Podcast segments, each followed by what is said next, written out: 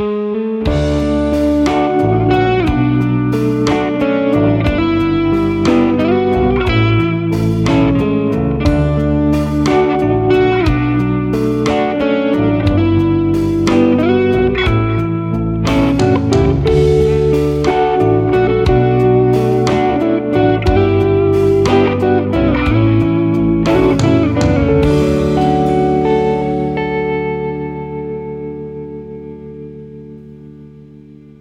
till Funktionsrätt och slätt, en podd av Funktionsrätt Göteborg med mig Ida Hansson.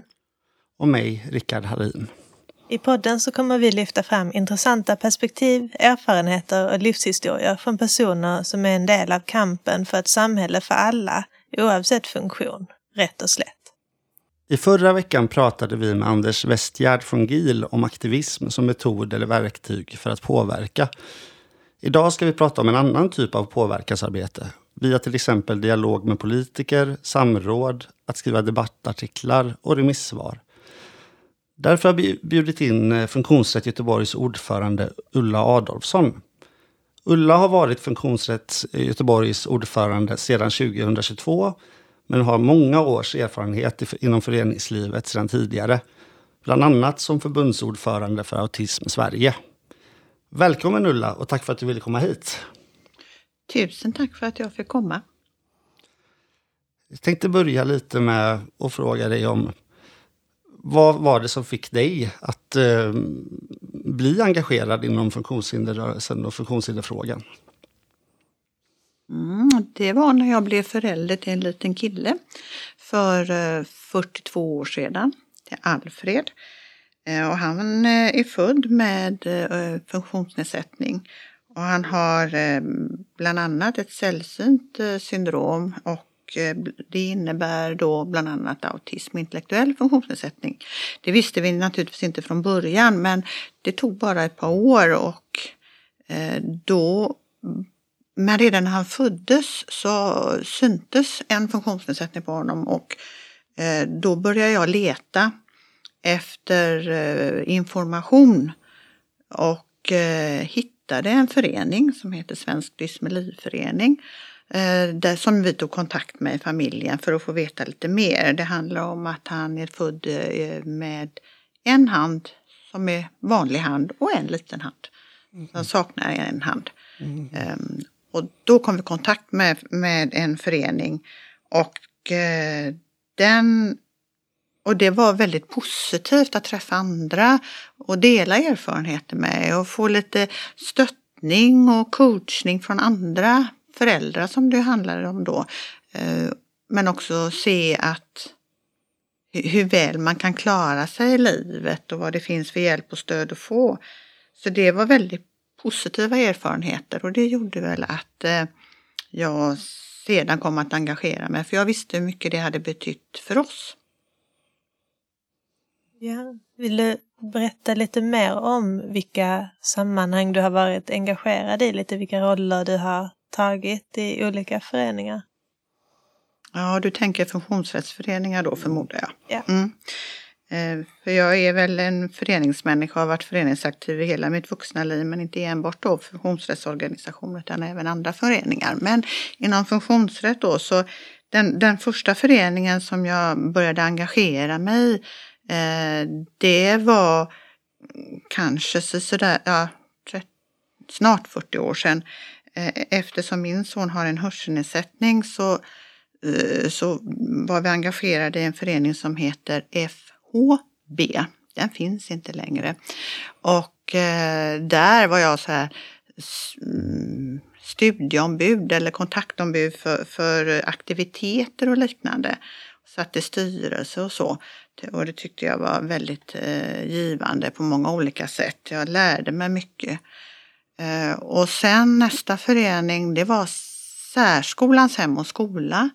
Eh, den finns inte heller längre.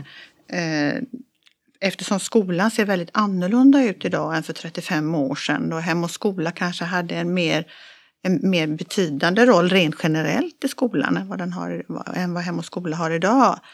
Eh, och också var ju skolan och särskolan eh, organiserad på ett helt annorlunda sätt än vad den är idag. Eh, och Där var jag med under många år och satt i styrelsen. Hade olika roller och också ordförande några år. Och sen efter det så, jo, då kom jag med i styrelsen för dåvarande Autism och Aspergerföreningen som numera är Autism distrikt Göteborg. Det här, nu är vi inne på 90-talet. Eh, och där satt jag i styrelsen några år och när jag avgick från den styrelsen så fick jag en fråga om jag ville börja arbeta som tjänsteperson i föreningen och det ville jag ju jättegärna. Ehm, det var, eh, så där arbetade jag faktiskt i nästan 20 år sedan som tjänsteperson heltid. Då. Och det innebar ju att jag gjorde det som förekommande sysslor, alltifrån administration till att träffa eh, medlemmar, prata mycket med medlemmar, skriva i medlemstidningen, eh, städa lokalerna, anordna träffar, prata med politiker och tjänstepersoner i, i eh, Göteborg och kranskommuner. Så vi gjorde allt möjligt helt enkelt. Mm. På styrelsens uppdrag naturligtvis gjorde en hel del. Det är ju styrelsen som fattade beslut. Under den tiden så blev jag också engagerad i en förening som heter Föreningen Smith-Magenis syndrom. Det är syndromet som min son har. Eh, och där sitter jag i styrelsen sedan några år tillbaka. Då. Det är en liten, liten eh, förening med ungefär 30 medlemsfamiljer i landet. Då. Och eh, sen har jag varit engagerad i funktionsrätt till och från. Jag har eh, suttit i valberedningen under många år. Jag har eh, också suttit i styrelsen i ett par omgångar då det hette HSO. Och sen så avgick jag i styrelsen och sen kom jag tillbaka för två år sedan och nu som ordförande då. Och jag har varit i valberedningar en hel del, inte bara i, i HSO utan i autism, och Autismdistrikt Göteborg och Autismdistrikt Sverige och och i, i de andra föreningarna, ofta är det ju så när man är engagerad i en förening att när man avgår så, så får man frågan om man inte kan tänka sig att sitta i valberedningen. Mm. Och så har det varit också. Men det har också varit så att jag sitter i valberedning först och sen några år senare så kan jag engagera mig i föreningen. Eh, så att eh, det är lite så som jag har engagerat mig. Kanske har jag glömt någon förening. Spännande att höra liksom ett helt livs engagemang. Så, eh, vad skulle du säga är liksom det roliga med föreningsaktiviteter? Eller liksom vad är det som, som det ger dig att vara aktiv i föreningar? Det är väl eh, flera olika saker. Eh, det ena och det kanske det allra, allra viktigaste det är föreningskamraterna.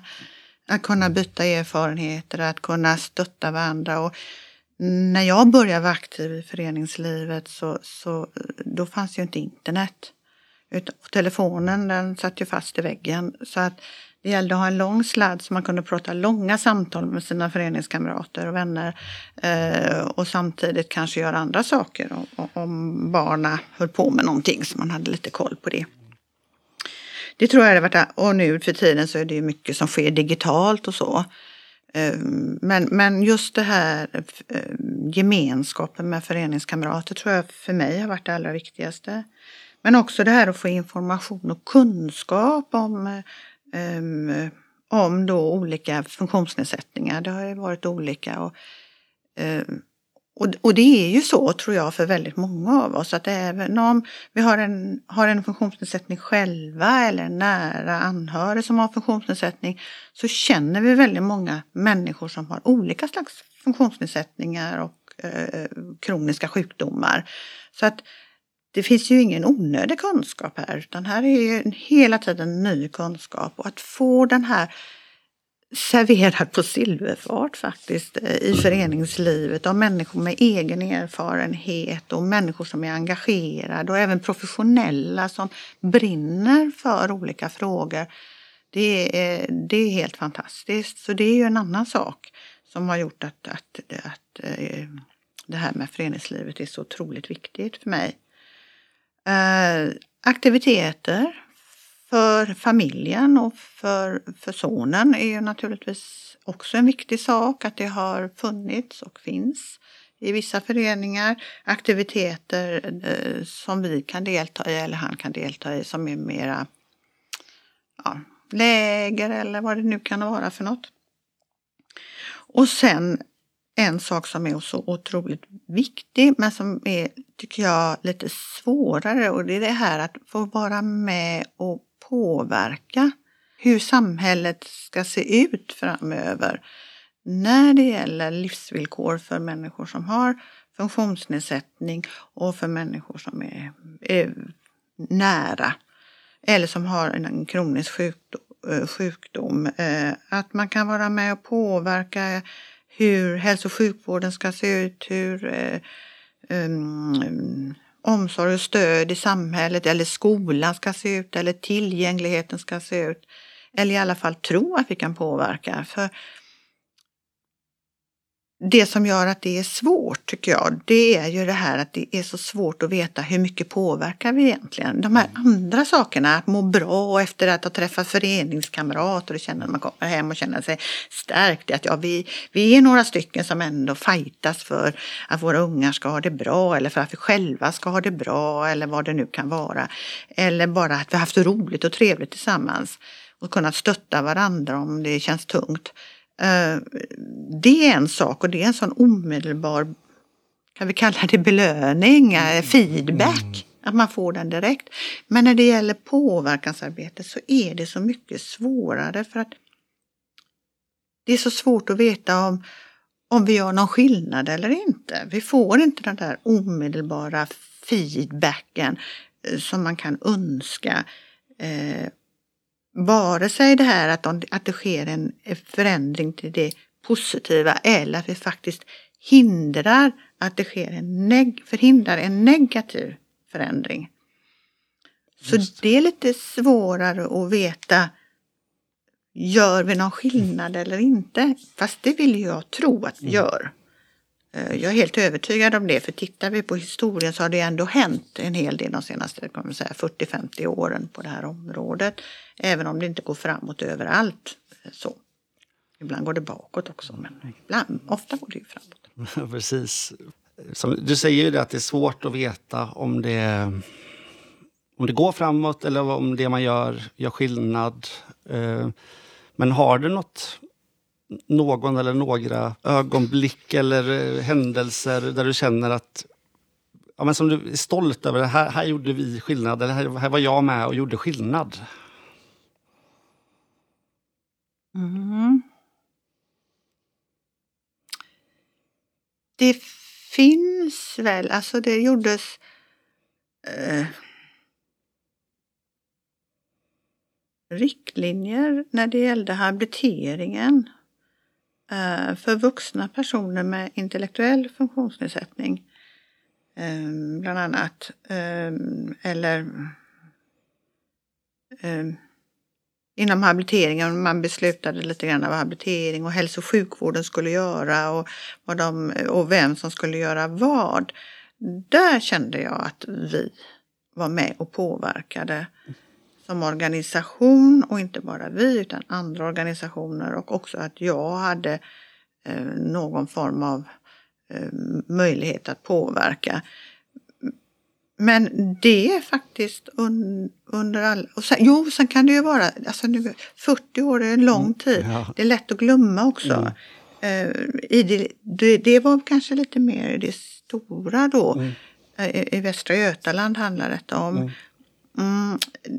Däremot på förr då, om man tänker sig eh, i mindre sammanhang så kan man ju alltid vara med och påverka men då är det ju ofta då också um, att man kan lämna någon synpunkt på hur saker och ting ska hanteras eller att man kan berätta för någon som tjänsteperson eller politiker hur det är och att man förhoppningsvis då att det här tas med. Men det är jättesvårt tycker jag att hitta tydliga exempel på där, eh, där jag känner att jag har varit en del. Däremot mm. de organisationer jag representerar. Mm. Tittar jag på Autism Sverige så nog katten har Autism Sverige varit med och påverkat utvecklingen till exempel när det gäller att ta fram riktlinjer, att hur skolan ska fungera, att det finns eh, Eh, Eh, utbildning för eh, eh, specialpedagoger och sådana här saker. Det finns ju mycket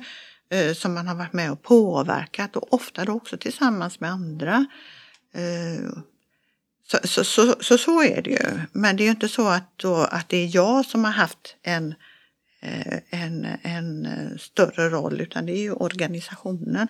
Och det är ju lite grann det här föreningslivet att, att det är tillsammans att det kanske inte är en, en själv som individ som, som driver en sak eller som individ som, som, som påverkar utan eh, det är organisationen som sådan. föreningen som, som, som lägger fram synpunkter och på det sättet eh, påverkar. Sen är det ibland många av oss som jobbar inom funktionsrättsrörelsen enskilda individer som för den här talan. Ofta tjänstepersoner inom funktionsrättsrörelsen men inte alltid. Eh, och där man då kan via tjänstepersonerna eller företrädaren då, vem det nu än är, föra fram de här synpunkterna som man har gemensamt kommit överens om eller som man vet att den här, vi i den här organisationen, vi tycker så här, vi har bestämt att vi tycker så här och då för vi fram det. Och det är klart att det påverkar, det är jag helt övertygad om. Ehm, men då är det ju, och då är det ju organisationen och sen så kan det ju vara om det görs en förändring i kommun, region eller nationellt eh, eller det skrivs några riktlinjer eller det, vad det än är så är ju det ett jätteomfattande arbete. Mm. Och vi som organisation eller som enskild kanske är med och påverkar en liten, liten bit av det.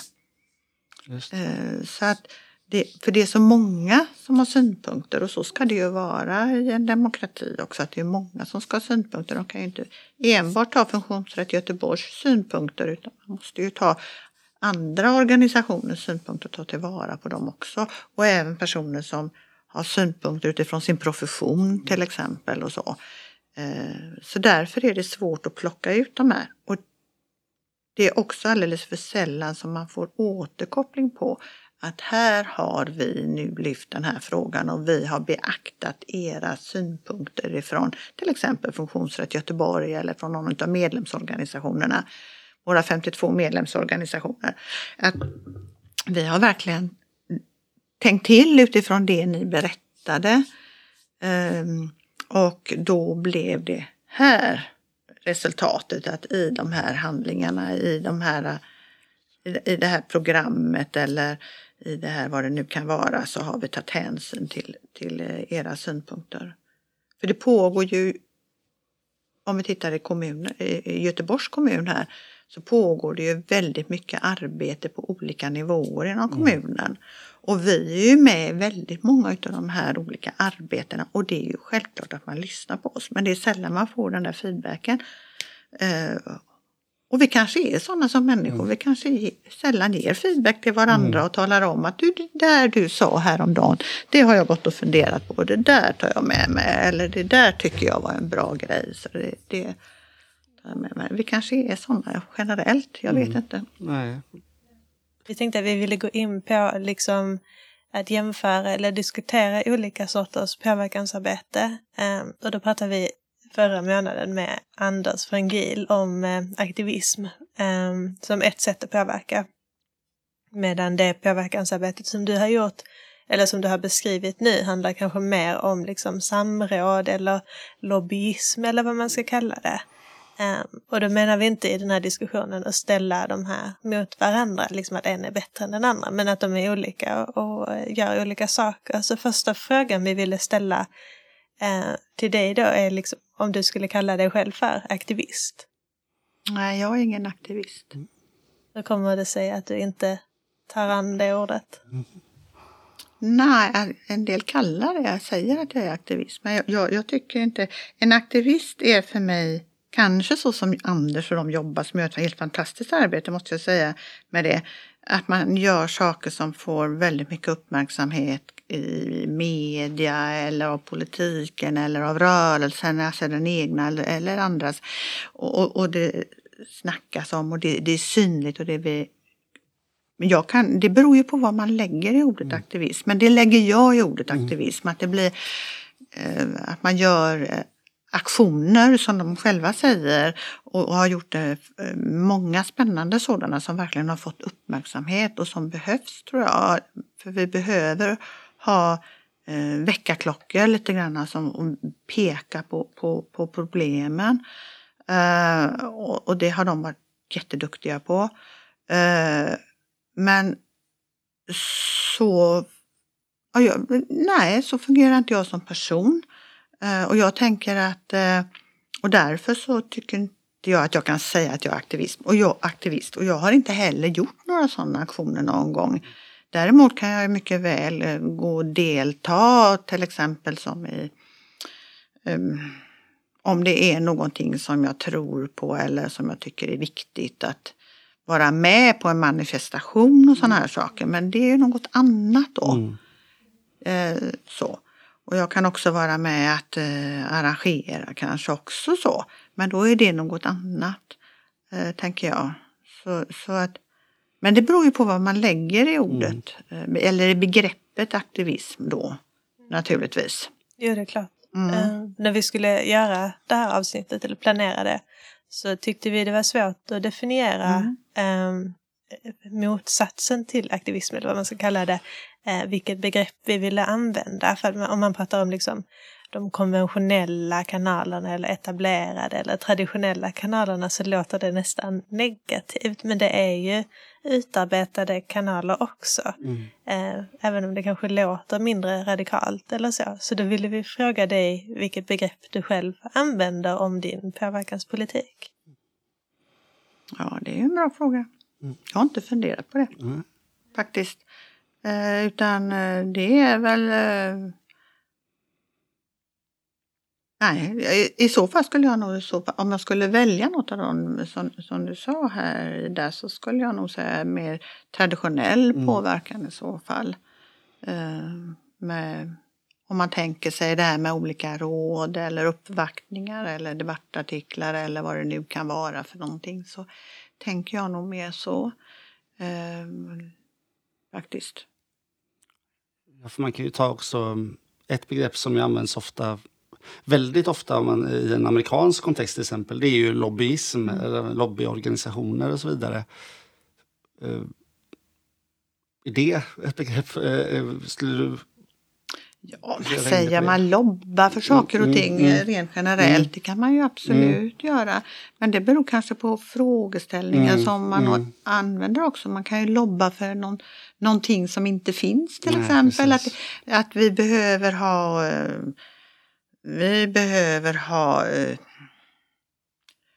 eh, fruktstund i högstadiet. Nu finns det inte högstadiet längre, men i skolan.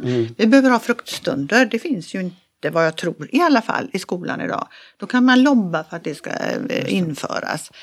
Eh, men sen så mycket av vårt arbete är sånt som redan finns men man ska förändra lite grann. Alltså LSS-lagen finns men den ska kanske behöver förändras eller har tyvärr förändrats till en negativ, mycket negativ riktning på senare år.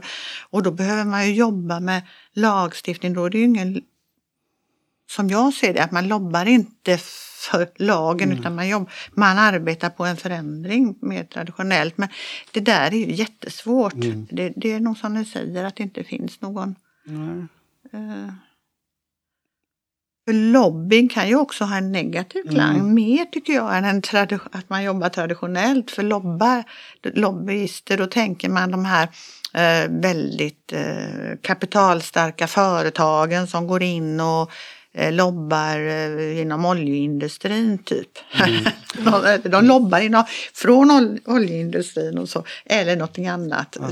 Jag tror att gemene man tänker mycket så när man tänker lobby, att det är kapitalstarka aktörer som går in och, lob och lobbar hos politiken för Exakt. att få igenom sina frågor, vapen till exempel i USA och så vidare. Mm.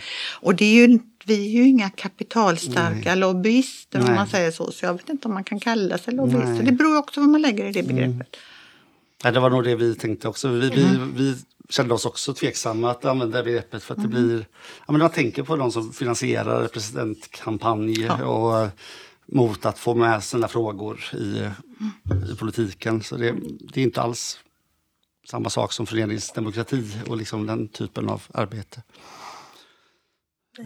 Vanligt påverkansarbete. Ja, Traditionellt. ja, Jag landar nog i det. ja, ja men traditionellt påverkansarbete. Ja. Vi diskuterade också liksom varför det kanske, eh, nu vet jag inte om du håller med om den tolkningen, men att det ibland värderas lägre än aktivism eller att det ses som kanske lite tråkigt eller så.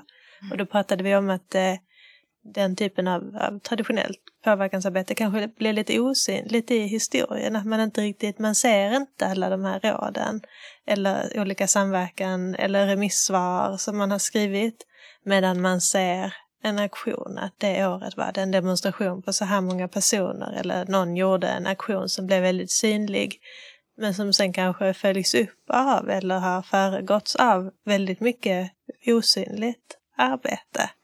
Um, om det har påverkat liksom synen på det traditionella påverkansarbetet. Ja, ja, jag tror ju att båda behövs först och främst. Mm. Det vill jag säga. Mm. Jag tror att det är viktigt, både därför att vi är olika som personer eh, och vi arbetar på olika sätt. Vi är bekväma i olika situationer om man säger så. Eh, och, och, och då är det ju viktigt att det finns en arena för både de som känner att man vill jobba mer med aktion eller aktivistiskt och de som vill jobba mer traditionellt. Och för de som vill göra båda delarna. Eh, och jag tror också att det är viktigt, och även om man inte vill jobba, och det är också så att mottagare är av, av aktivism eller som får reda på detta och mer traditionell påverkansarbete.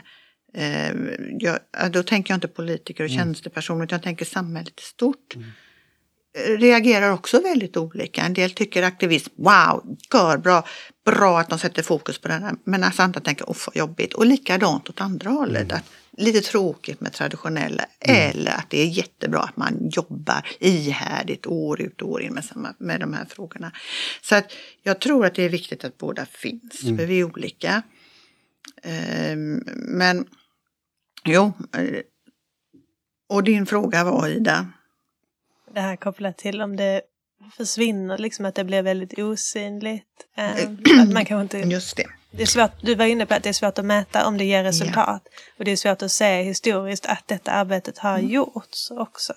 Ja, just det. Och, och då, då, då tänker jag att eh, en aktion eh, blir ju mer synlig naturligtvis. Eh, av flera skäl, därför att den är mer medial. Den, här, den sker här och nu oftast vid ett tillfälle eller ett par tillfällen. Så det är lättare att bevaka på det sättet, även om det förstår jag att det föregår massa arbete och man måste komma på en, det måste ha ett syfte och man har en idé och man vill ha ett resultat och så vidare. Och, och man måste följa upp på något sätt sen också, mm, även aktionerna. Men det blir mer intressant att följa kanske från media och så får man mer media eh, uppmärksamhet medan det traditionella arbetet det får sällan någon medial uppmärksamhet om det inte är något väldigt, väldigt eländigt som har hänt. Eh, eller om det är något extremt som har hänt. Så att eh, det, det är så att det säkert får olika uppmärksamhet och på det sättet kanske det är enklare att se resultatet av en aktion än av traditionellt arbete. Men jag är inte säker om det. Utan jag tänker att även det som är en aktion eller aktivism, det är inte säkert att det blir ett jätteklockrent tydligt resultat heller. Men man har i alla fall en sak som man har lyckats med. Det är ju att sätta fokus på frågan och sätta spotlighten här. Och det är ju jätteviktigt. Och, det kan, och där kan man ju liksom samverka de olika sätten att arbeta. Att om någon lyfter upp det här till exempel att tillgängligheten på kollektivtrafiken så vill det ju till att alla andra organisationer som inte jobbar med den här typen av aktivism kanske eller aktioner ändå hakar på också det, för det kan man ju göra och bekräfta detta. Ja, att våra medlemmar i våran organisation ser ju också att det här tillgängligheten inte är vad den borde vara. Men man kan ju fråga sig också då, en aktion eh, hur, alltså allmänheten och media, hur länge minns de den? Mm. Eh, men de minns den i alla fall ett tag och den får uppmärksamhet ett tag. Medan det traditionella arbetet upplever jag inte får samma uppmärksamhet och är inte heller lika eh, allmänheten känner inte till den utan man får ju ofta höra som, det vet ju ni också som jobbar i mm. föreningslivet, att varför jobbar ni inte med denna frågan? Ja. Jo, det säger vi, den har, jobbar vi med och den mm. har vi mm. jobbat länge med. Ja. Men varför ser vi inte det då? Mm. Varför ser vi inget resultat? Jo, men vi har informerat om den i mm. våran förening till medlemmar och så. Ja, men det har, det har man kanske missat för den har inte varit aktuell när informationen kom för mm. just mig och då har jag inte sett det och så vidare. Så att det är svårt det här med information och, och, och, tala om vad man gör också. Och där tror jag att just det här att göra en aktion, det får som det, det, det, det sticker ju ut och då mm. tar man till sig den informationen på ett annorlunda sätt också. Eller lättare kanske, jag vet inte. Kan vara så. Mm. Det kanske till och med går att liksom se det på ett sätt som att det är två sidor av samma mynt. Att man, om en bra aktion genomförs så liksom kommer frågan på agendan. Mm. Vilket också möjliggör det traditionella påverkansarbetet. För att helt plötsligt så öppnas, eller rivs murar som tidigare var där. För att det, eh, det gick inte att prata om det tidigare, men helt plötsligt så, så, så är det öppet. Och då kan man också bedriva påverkansarbete mm. på ett annat sätt. Man blir inbjuden i andra sammanhang för att frågan plötsligt blev högaktuell. Mm. Så kan det absolut vara. Så mm. därför så tror jag att det är mm. viktigt att båda delarna ja. behövs. Och idag har vi ju andra mm. möjligheter eh, att göra aktioner. Går vi tillbaka i tiden mm. Så var det inte lika lätt att samla folk utan var det en förening eller flera, ja då behövde man ju skriva brev och sätta frimärke på och skicka till alla och så skulle alla svara med en liten talong om de kunde delta mm. eller så vidare. Om man skulle göra en större aktion ja, ja, eller visst. någonting. Eh, och man fick, men idag är det enklare att kommunicera med varandra och så vidare. Mm. Eh, även om vi kanske ibland eh, lämnar vissa utanför, för så är det ju. Men mm. så var det ju förr också. Mm. Eh, så att eh, eh, det är klart att man kan göra, jag, jag tror ju också att båda delarna behövs. Aktionerna som sätter fokus på frågan, funktionsrättsrörelsen i stort också jobbar envetet med mm. våra frågor. Och vi har ju många frågor på vår agenda. Mm. Det är ju inom samhällets alla områden och gäller alla åldrar. Eh, alla slags eh, funktionsnedsättningar och, och, kroniska sjukdomar i princip. Så att det, så, så vi har ju väldigt många områden som vi ska täcka inom funktionsrättsrörelsen. Ja, Eh, och det, men vi har också många gemensamma nämnare och många gemensamma frågor. Mm. Ja, ett tillgängligt samhälle gäller ju för oss alla. Mm. Det, det, det, det, är ju så om vi tänker tillgänglighet i alla aspekter. Då. En annan fundering som vi hade var eh, liksom utifrån din erfarenhet med eh, påverkansarbete som kanske är lite långsammare eller traditionellare.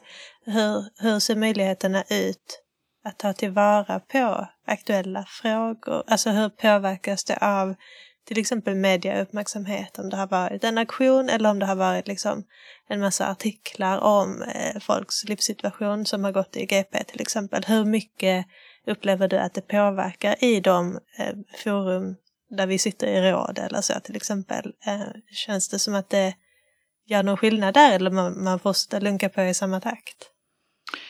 Rent, gener alltså, rent generellt så tycker jag att det, på, att det har en påverkan. För att om det dyker upp en fråga att det är någonting som inte fungerar någonstans. Det kan ha, ha hänt någonting i någon skola till exempel eller på någon daglig verksamhet. Säger vi. Eh, då finns det oftast möjlighet att lyfta den frågan, eller inom färdtjänsten, att lyfta den frågan och då direkt till politiken eller till tjänstepersonerna på råd eller direkt eh, på ett helt annat sätt. Så vi är ju väldigt bero och då beroende av media. För när det har belysts i media så blir det ju en fråga som alla är intresserade av. Även politiken mm. är ju mm. intresserad mm. av att, eh, att de här frågorna eh, belyses då eh, på olika sätt och att om man får förklara sig eller man får säga att ja men det här, så här kan vi inte ha det, vi måste, nu måste eh, majoriteten göra någonting åt detta, säger oppositionen. Och majoriteten säger att ja, det här är kvar sedan tidigare styre och så vidare. Men då blir det en, en, diskussion kring frågorna och i olika råd och så säger de det att ja, men det här måste vi ju se över och vi får återkomma med ett svar vid nästa tillfälle eller ett skriftligt svar och så vidare. Så det upplever jag nog. Vi är alltså väldigt egentligen beroende av media samtidigt som vi har svårt att få eh, genomslag i media. Eh, Medan om man gör en aktion så får man då oftare, tror jag, jag vet ju inte eftersom inte jag har jobbat med det. Mm. Eh, det kan ju hända att, att som, som, som GIL till exempel som har gjort många aktioner de kanske har gjort många som inte har fått genomslag också, det vet, mm. det vet inte jag, men många har ju fått genomslag. Mm. Och, och, och, då kan man fortsätta ställa frågor utifrån det. Eh, så, så, så sätt så är det viktigt att få media då med på, på tåget. Då eller var inte med på tåget, mm. men alltså att man får media att uppmärksamma de här frågorna. Jag upplever nog att media är, svåra att... Eh, är svåra att... Eh, de, de, de, de, de är inte jätteintresserade av våra frågor i allmänhet. Och är det så att man att det, man kan väcka ett intresse så vill de väldigt gärna ha en person, en mm. familj mm. Som kan beskriva och gärna något eländigt då mm. eller så. Eh, eller någonting väldigt positivt, guldmedalj eller något. Mm. Eh, så att just det här generella eh, som många berörs av det är svårt att få uppmärksamheten från media. Och kanske från, från medlemmar också, tänker jag, i föreningarnas nyhetsbrev och så. Man, mm. man skickar ut vad som händer, men det är lite för generellt mm. för att skapa en, en känslomässig reaktion. Mm. Ja, precis. Så är det faktiskt. Samtidigt som det ska ju vara bra för alla. Man ska inte behöva... Alltså, även den där det fungerar, livet inte fungerar väldigt bra, men skulle kunna fungera lite bättre med lite förändringar. Även där behövs det ju förändringar. Det, sen behövs det ju förändringar naturligtvis för de som har det riktigt eländigt. Mm. Eh, och inte får det stöd alls som de som har behov av. Och det vet vi att det finns eh, gott om medlemmar i våra organisationer som inte får det stöd de har behov av. Eller en hjälp, eller en sjukvård eller vad det nu kan vara, eller en skola. Det är stöd till skolan som man har behov av. Eh, och, och, och självklart så, ska, så måste ju alla få, få det. Men, och även de där det kanske inte är så mycket mycket som behöver förändras. Det skulle man kunna tycka att det kan man väl förändra i kommunen då så att det blir bra för dem. Men eh, det är svårt det också. Och, svår, och ännu svårare att få uppmärksam i media för de ser ju det som en väldigt liten fråga. Mm. Ja, såklart. Ja, vi skulle gå vidare då till ett avsnitt som har valt att kalla Funktionshinderrörelsens påverkanspolitik då och nu. Och men du har ju berättat nu att du, du har varit eh, involverad och engagerad inom funktionshinderrörelsen i över 40 år. Ja, snart 40. Snart 40 år. Ehm, så du har en, en stor erfarenhet av detta. Och vi, tänkte, vi undrar väl framförallt, eh, kan du se liksom någon förändring över tid? Eh, ja, men hela att vara engagerad inom funktionshinderrörelsen. Hur ehm, är det lika många eller som är engagerade? Är det färre?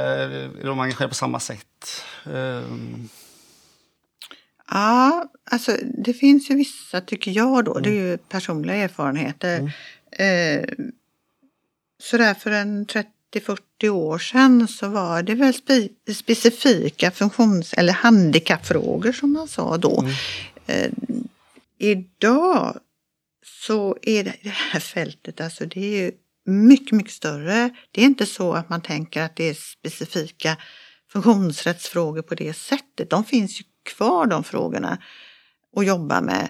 Idag så handlar det om hela samhället. Det handlar om, alltså bara för fem, tio år sedan så sa jag det handlar om det mesta utom, eh, utom eh, försvaret. Men det handlar om försvaret också. För man ska ha, alltså så, så, så det var ju liksom den sista biten av samhället som jag såg att här nu handlar det verkligen om hela samhället. Um, att, att man faktiskt får lov att uh, söka militärtjänst och inte bli avskriven bara för att man har en, en, eh, en funktionsnedsättning som heter autism till exempel. Mm. utan man kan faktiskt vara vara en god jobba inom försvaret för det eller göra militärtjänsten. Det var den frågan då som var den sista pusselbiten för mig där. För, för nu finns vi ju inom he, alla sektorer i samhället.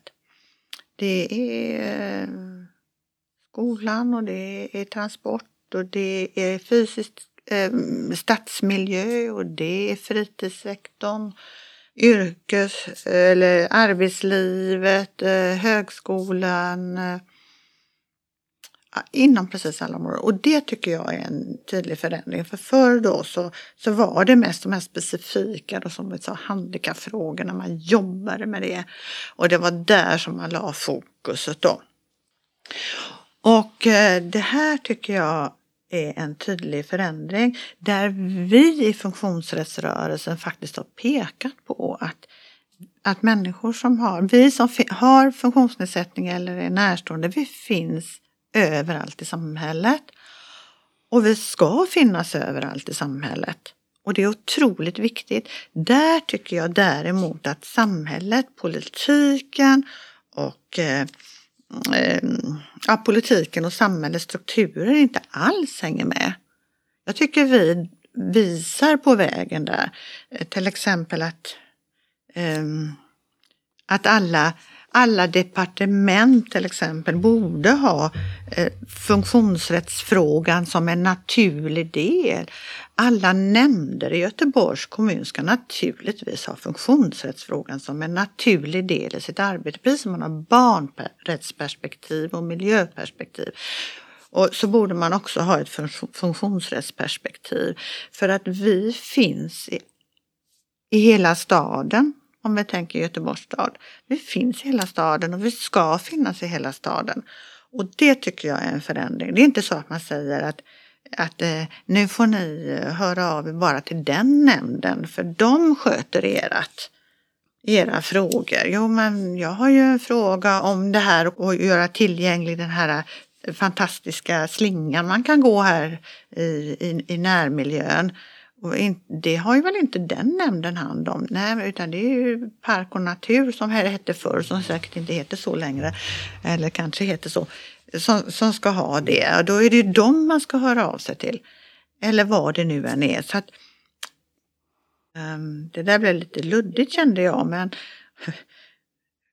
ehm, så att, men det tycker jag nog är den största förändringen över de här 40 40 åren och jag, som jag själv upplever. Men det kan ju också bero på att mitt liv har sett ut sånt från att vara i det lilla sammanhanget eh, med familjen och, och, och sådär och, och de här viktiga frågorna som var då eh, till att idag kanske engagera mig i ett annat sammanhang, lite mer övergripande sammanhang och ser andra. Men jag tror faktiskt att det är så att Förr så var det specifika frågor. Nu så har vi frågor som berör hela samhället. Men jag är inte säker på att samhället och politiken har hängt med i detta. För man vill gärna putta undan det där men funktionshinder det tar någon annan hand om. Men jag håller med om den beskrivningen. Om vi pratade om vad det har gett för resultat eller hur man mäter våra mm. framgångar. Det är väl något som, som jag kan tycka att funktionsrättsrörelsen har lyckats med. Att vi är liksom inblandade i alla delar av samhället och alla nämnder eller departement eller så borde ha med det perspektivet. Ehm, men det är ett arbete som vi fortfarande behöver jobba med och liksom påminna politiken för att ibland känns det som att de liksom eh, puttar tillbaka. Ja men det är den här nämnden, förvaltningen för funktionsstöd, det är där ni ska vara allihopa, även om inte alla platsar där liksom. Ehm, så det är ett viktigt arbete att fortsätta med. Ehm, så vill jag tillägga en fråga då.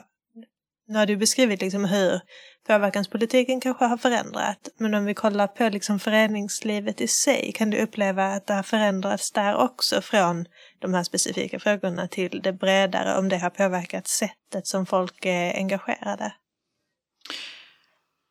det som har påverkats mest tycker jag, alltså om vi tänker för 30-40 år sedan, om jag ville veta någonting om, eller för 30 år sedan när jag gick med, eller eh, gick med i dåvarande föreningen Autism, som det hette då, som nu heter eh, Autismdistrikt Göteborg.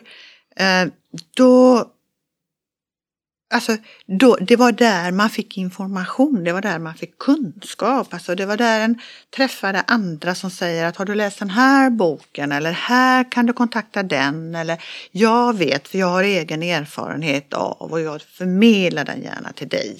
Eh, och erfarenhetsutbyte. Det var på föreningen, man fick åka dit fysiskt alternativt lyfta den där telefonen som satt fast i väggen då. Men man fick åka dit fysiskt och, vi, och föreläsningar. Vi hade föreläsningar, det kom jättemycket folk. För kom det en föreläsare till stan en gång om året eller två, då kom alla liksom. Alla inom citationstecken, men det kom väldigt mycket folk. Och hade vi julgrans hade vi julfest, jag menar då kom det hundra eh, eller över hundra personer. Och hade vi årsmöte då kom det jättemycket folk. För att det var där det hände. Det var där man träffades. Det var där man fick informationen och det var där som vi eh, ja, snackade ihop och, och, så, och kunde gå vidare och fick kunskap. Idag är det inte så. Eh, idag så, så ser vi ju att många aktiviteter den typen av klassiska aktiviteter, julfest, årsmöte, föreläsningar, är svårare för att idag kan vi hämta informationen på nätet. Vi kan googla. Det är Googlebot så har vi fått jättemycket information om till exempel autism. Ehm, det finns gott om föreläsningar, digitala sådana, så vi behöver inte komma på plats. Eh, men digitala, då snackar du inte med den som sitter bredvid eller runt fikat och får den här plusinformationen som du inte skulle fått om du inte träffade personen i fråga. Eller personerna. Eh, så det har ju förändrats och det finns också många fler möjligheter till aktiviteter idag. Eh, det finns många fler aktörer på, på eh, arenan. Eh, förr så fanns det inte så mycket litteratur, om jag tar autism till exempel, om autism. Så all, all, litteratur som fanns, den fanns på föreningen så då kunde man gå dit och titta vad det fanns för litteratur. Idag finns det väldigt mycket mer litteratur. Det finns väldigt mycket mer aktörer som förmedlar kunskap om autism än vad det fanns då, för att ta ett exempel. Ehm, det, så att eh, det har ju exploderat i information och det gäller ju inte enbart inom funktionsrättsrörelsen utan det gäller ju överlag. Frågeställningarna också som vi hade i påverkansarbetet, den, det fick ju kanske ha en långsammare process också än idag. Idag kan vi ju skicka ut i en Facebookgrupp att eh, tycker det någonting i den här frågan och så lägga en fråga och så får vi då kanske eh, ett antal svar. Men det, kunde man skicka, det fick man ju skicka med post och då fick man ju räkna med att det tog några veckor. Så att alltså förutsättningarna att jobba ser väldigt olika ut mot, ja, annorlunda ut idag mot tidigare. På en del saker har ju naturligtvis blivit mycket bättre Medan alltså andra saker har blivit svårare att komma igenom i mediebruset, att komma igenom i informationsbruset. Att, att de som öppnar sin mejlkorg ser just mejlet från oss och tänker att det där är en viktig fråga, det där vill jag svara på. Så att arbetet fungerar naturligtvis på ett helt annorlunda sätt eh, idag än vad det gjorde för 30 år sedan. Eh, sen så finns det ett större utbud, vi är så många fler föreningar. Inte bara för, enbart föreningar utan det finns ju andra konstellationer, tillfälliga konstellationer. Där, där folk går ihop för att driva en fråga, för att man är intresserad. Eh, det, och det behöver inte vara en förening utan det kan man göra på andra sätt. Olika grupper, arbetsgrupper och så vidare. Och det är ju, kan ju vara otroligt positivt om det kommer framåt. Men det kan också vara så att Ja, ja nu, nu, nu tycker jag att, att vi ska driva eh, att man ska sluta salta här utanför Dalheimers hus. Här, för vi ska inte ha salt. Vi ska, det ska vara hållt. Ja, för att ta ett exempel som mm. jag aldrig skulle driva. Mm. Och, och då kan jag göra ett upprop och så kan jag få med mig 10-20 personer och så mm. driver vi den och sen så vet inte vi riktigt vad alla andra tycker. Mm. I ett förening där vi är många, där där det är lite mer långsammare, trögare mm. processen. Då hinner ju någon protestera. Nej men hej Ulla, vad är det du håller på med? Så här kan vi inte göra, hur går det? För då får, det blir ju jättehalt. Eh, till exempel. Men det här hade vi faktiskt eh, eh, kopplat till det väldigt mycket. Och även kanske det här med att, eh, som du sa förut, om att eh, frågorna rör liksom allting. Det rör inte bara några få teman längre, utan det rör ja, allt egentligen. Då, för man kan se nu att väldigt många frågor och drivs ja, men idag på i sociala medier och det kan vara upprop eller diskussionsgrupper eller kampanjer. Och det finns till exempel ett exempel eh, som heter eh, Försäkringskassan upproret. En Facebookgrupp. Eh, de har över 70 000 medlemmar. Och de, ja, men alla delar ett missnöje mot att Försäkringskassan eh, gör allt hårdare bedömningar. Eh, och, men samtidigt så är det liksom eh, det är många styrelser som har svårt att fylla sina poster och det är eh, lokalförbund som inte klarar av att fortsätta och, och ja, på sådär, eller lokalföreningar. Det känns som att kanske går det att koppla ihop det. Att det liksom är, folk inte vill prata om sin sakfråga istället för att ha solidaritet till, sin, till en grupp. Eller hur man ska uttrycka det. Tror du? Ja, och så tror jag det alltid har varit. Mm eh, suttit på många styrelsemöten eller medlemsmöten där man pratar om sitt eget. Mm. Eller medlemsmöten var okej, men styrelsemöten man pratar om sitt eget först och främst. Mm. Och det tror jag är ganska naturligt för det är det som är upprinnelsen till att man engagerar sig. Så man kanske behöver prata av sig lite grann mm. för att mm. sen kunna ta nästa steg och, och, och, och få lite mera um, om det är solidaritet, helikopterperspektiv mm. eller vad vi nu ska kalla det, att, att, att, att vi är flera som kan eh, se det. Så det, det, det, tror jag. Men sen är det en viktig, ett, ett, ett bekymmer, det, det, det som du lyfter där. Eh, tänker jag, med, med det här att, att det är svårt att få folk att engagera sig.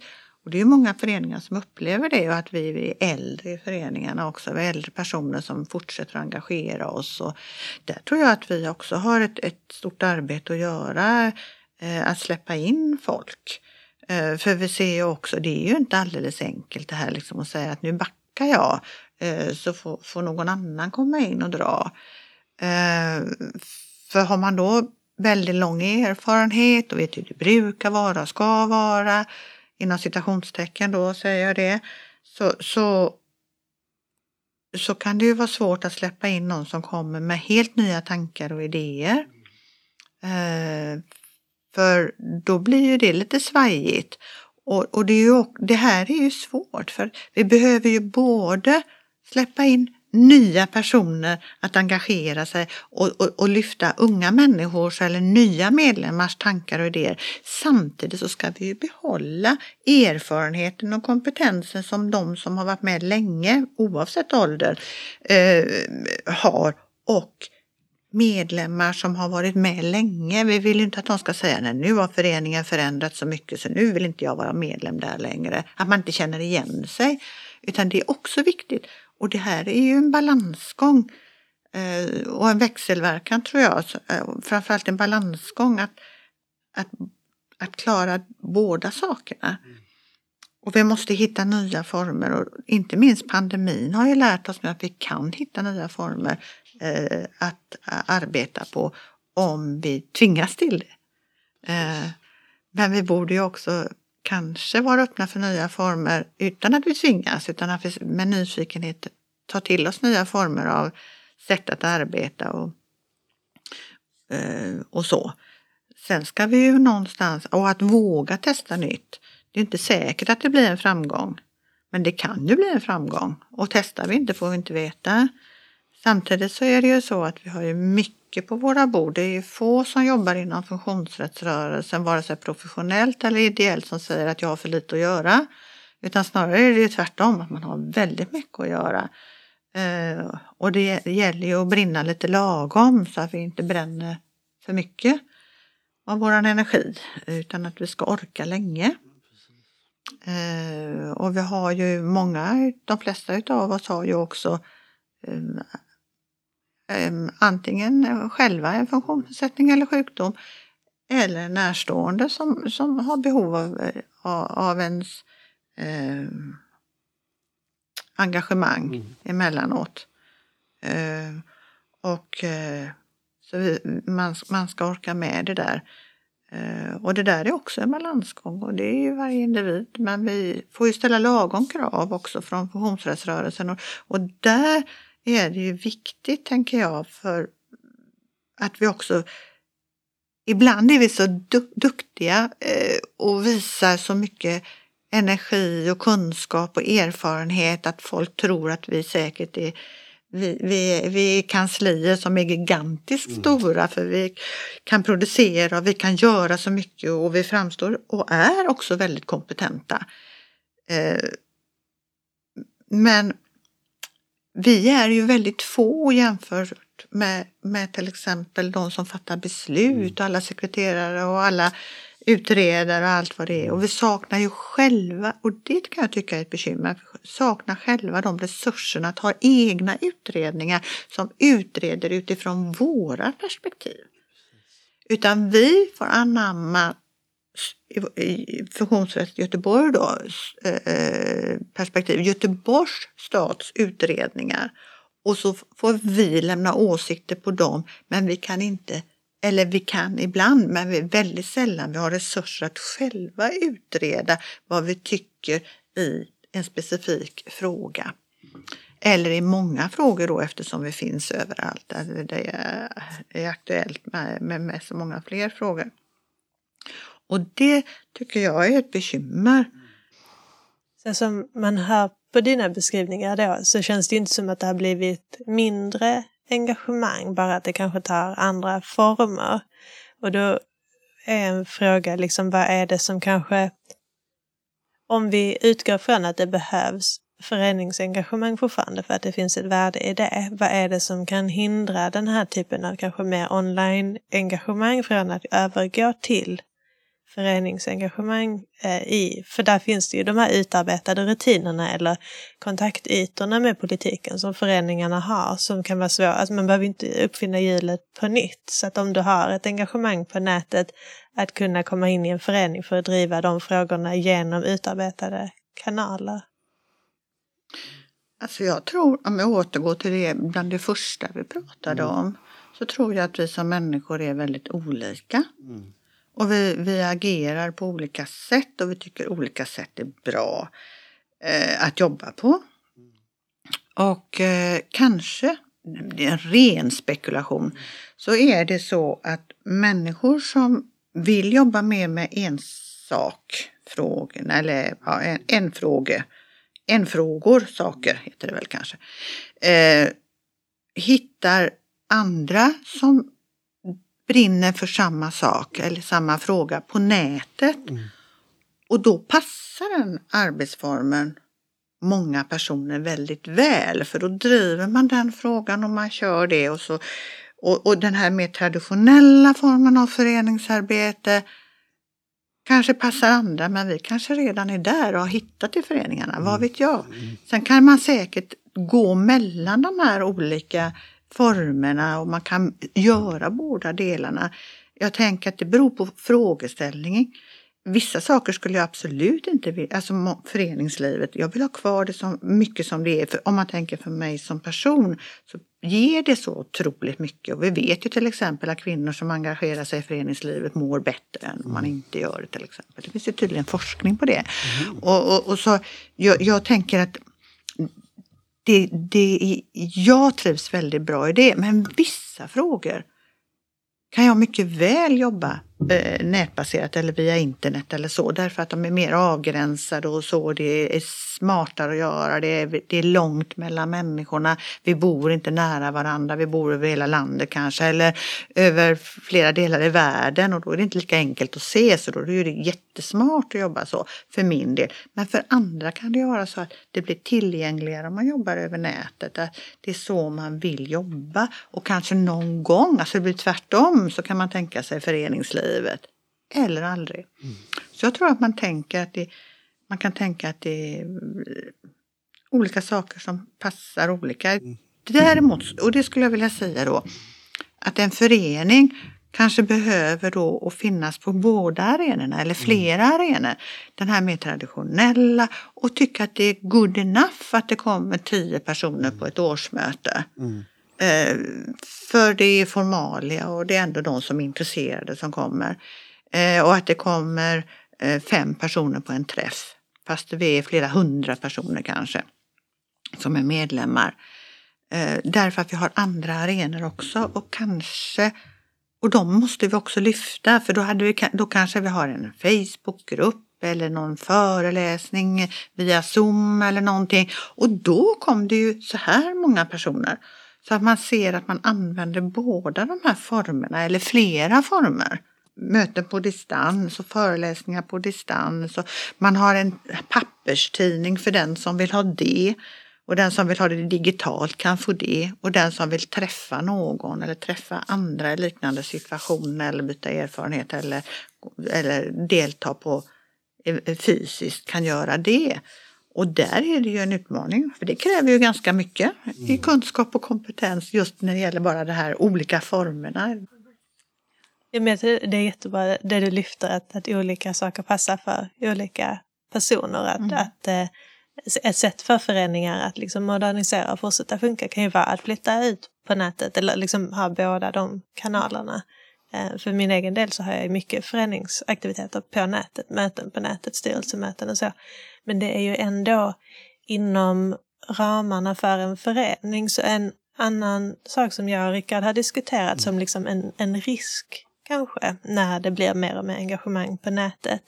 När det är den här typen av upprop eller när någon håller en podd. Nu är vi kritiska mot oss själva kanske. Ja. Men vilket eh, mandat man har att tala för en fråga. Du var inne på det lite när du hade det här exemplet med att salta eller mm. inte salta. Mm. Att eh, det kan gå väldigt fort och att man kan få väldigt många som skriver under eller liksom likar någonting. Och att man då liksom talar för en grupp utan att det liksom har gått igenom en demokratisk process på något vis. Att det kan finnas en risk med det när man lämnar föreningsstrukturen, eh, liksom, oavsett om den är digital eller fysisk. Och, och så är det den väldigt långsamma. Demokrati tar tid. Va? Mm. Demokrati är oftast väldigt långsam. Eh, om alla ska vara med. Vi kan ha jättesnabba demokratiska beslut och det är det här med att vi bara klickar eh, och säger att nu var det demokratiskt för nu var det så många som röstade på det. Mm. Men vi kanske uteslöt väldigt många som behöver tänka en stund. Mm som behöver resonera med sig själva eller någon annan innan man fattar ett beslut. Och, och man kanske behöver få olika perspektiv på frågan presenterat för sig för att kunna fatta ett bra beslut som gynnar just mig. Mm. Eller den jag vill ska gynnas av det här beslutet. Uh, och, och, och då tänker jag att att det är viktigt, eh, det, det, det, är inte alldeles enkelt det här vem man företräder. Uh, och det här, är- det här är också svårt för att man behöver träffas och man behöver knåda tankar och idéer och vaska dem fram och tillbaka. Och det är på så sätt som, som jag tycker att i alla fall jag utvecklas i mitt tänk eller och som jag lär mig då och får olika, eh, får, får olika input.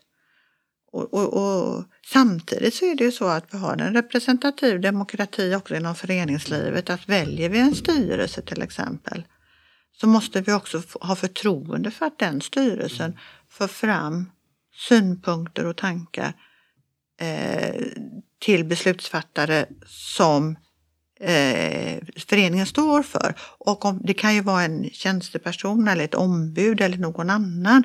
Men då får man ha förtroende för att den styrelsen har väl, valt lämpliga personer, tänker jag.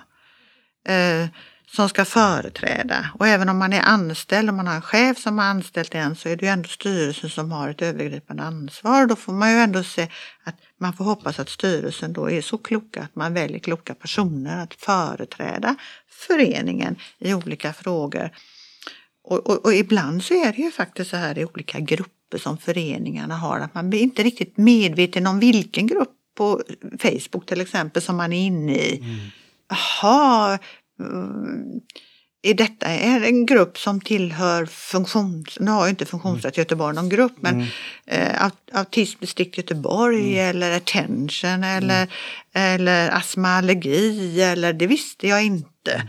Eh, Och så, så, så, så är man inte medveten om att det här är en grupp på Facebook eller en gillarsida som tillhör en organisation. Eh, För vi är med i så många olika grupper så vi har inte riktigt koll på det alla gånger. Det har inte jag heller. Eh, och, och, då, och då kan det ju vara så att någon som skriver någonting så att man anammar det fast det är egentligen inte organisationens eh, mening att man ska tro att man ska tycka så här. Eller organisationen står för en, en sak men i gruppen så skrivs det om något helt annat. Och så tänker man att jaha, tycker den här organisationen så? Så att det är inte alldeles enkelt. Och, och det här är ju ett nytt fenomen. Alltså, relat, det måste vi ju ändå säga. Vi är inte, de flesta av oss är inte uppvuxna med, med sociala medier och så vidare.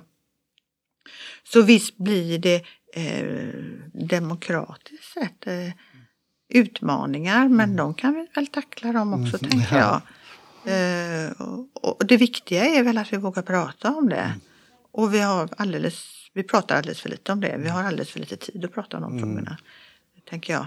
Men det, det är viktigt att prata om hur demokratin går till i, i min förening, i våran förening.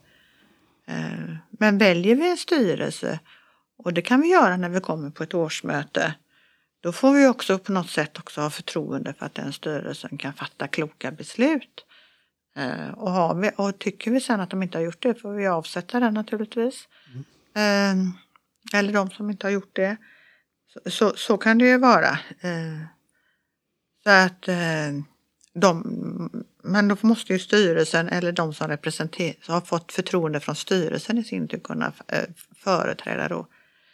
Men sen finns det ju de här då som, där det kanske är några få som, som har en specifik fråga och som lyfter den och som får mycket utrymme och som också får mycket utrymme eh, i, eh, när det gäller påverkan. Och som man inte vet då, det kan ju också vara någonting som är helt fel. Det kan ju vara en metod som man vill införa som går helt stick i stäv med vad, vad, vad en organisation eh, tycker är bra till exempel. Där man säger att jo, men så kommer det en grupp som säger den här metoden tycker vi att man ska använda och som får jättemycket hö- gehör. För den här metoden kommer att spara pengar för att vi kommer att eh, för- för vi, kan, för vi vet det. Och- där man tycker väldigt olika. Och där har vi ju haft till exempel bland döva och implantat till exempel när det gäller hörsel. Där det har varit så eh, vissa grupper som har drivit tillgänglighet till implantat. Medan eh, döva, döva samhälle många gånger, inte alltid men många gånger har sagt att det kanske inte riktigt är så vi vill driva den frågan. Så att det har ju funnits sådana frågor. Det, men det är ju så som vårt samhälle ser ut och demokrati. För vi, vi, vi tycker olika om saker och ting och det måste vi få göra. Och bara för att du är småbarnsförälder så tycker du inte likadant om lördagsgodis, du tycker olika. Och det är ju samma sak med, med våra frågor. Man tycker olika bara för att man har en spe- speciell funktionsnedsättning eller en sjukdom. Så tycker man ju inte lika men Absolut inte. så. Och så är det för oss enskilda också, tänker jag. Om det är en förening som jag känner att wow, den här föreningen driver de här frågorna som jag tycker är bra. Det var därför jag engagerade mig i dåvarande föreningen Autism, därför jag tyckte att de drev de frågorna på ett bra sätt utifrån hur jag tänker. Eh, och då kände jag att här kände jag mig hemma. Eh, och sen kan det ju vara så ibland att, att föreningar förändras och man känner att nej, det är inte aktuellt för mig längre. Eller att den här föreningen driver frågor som jag inte tycker om längre, på det sätt jag inte tycker om och då går jag ur. Det har inte hänt, men däremot kan det ju kännas att det inte är aktuellt om man får rensa ibland. Men, och det blir ju, det blir ju lite eh, så att föreningar kommer att, alltså vi, det kanske inte finns föreningar om 200 år, det vet vi inte. Det lär inte vi få veta. Nej, precis. Eller om 100 år. Eh, Men eh, eh, det är ju ett bra sätt att, att arbeta på. Jag läste i senaste Courage, en tidning som ni kanske känner till, ett tidskrift, om, om, om, om föreningar eh, fostrar eller utbildar eh, demokratitekniker eller demokrater. Mm. Och det tyckte jag var en väldigt bra frågeställning. Vad är det egentligen som händer när vi arbetar i, i, i föreningslivet? Eh, för demokratitekniker behöver inte nödvändigtvis vara demokrater. Nej. För du kan lära dig hur spelets regler och teknik och så kan du använda det på ett sätt som gör att vi går i en odemokratisk riktning.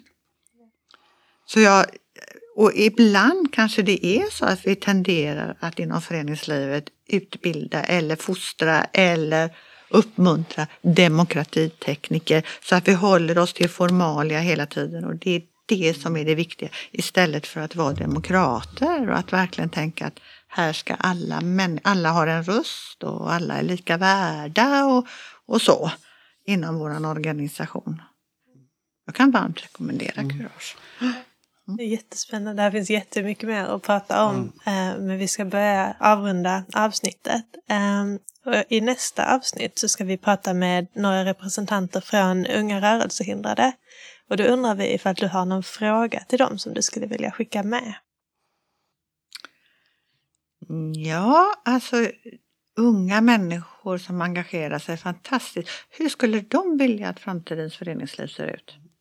Jättebra, det tar vi med oss. Mm. Det blir spännande att prata med dem om. Mm. Eh, Då vill vi tacka så mycket för din medverkan idag, för att du ville vara med. Ehm, Tack så jättemycket. Eh. Eh, tack för att du har lyssnat på Funktionsrätt och slätt, en podd av Funktionsrätt Göteborg. Musiken är skriven och inspelad av Marcus Asplund Brattberg. Ljudteknik och klippning av Rickard Hallin. Vi vill att den här podden ska vara så tillgänglig som möjligt. Pratar vi för snabbt, för otydligt eller använder vi svåra ord? Hör gärna av dig till oss med synpunkter eller frågor. Du når oss på mejlen info funktionsrattgbg.se. Nästa avsnitt kommer om en månad. Vi hörs då!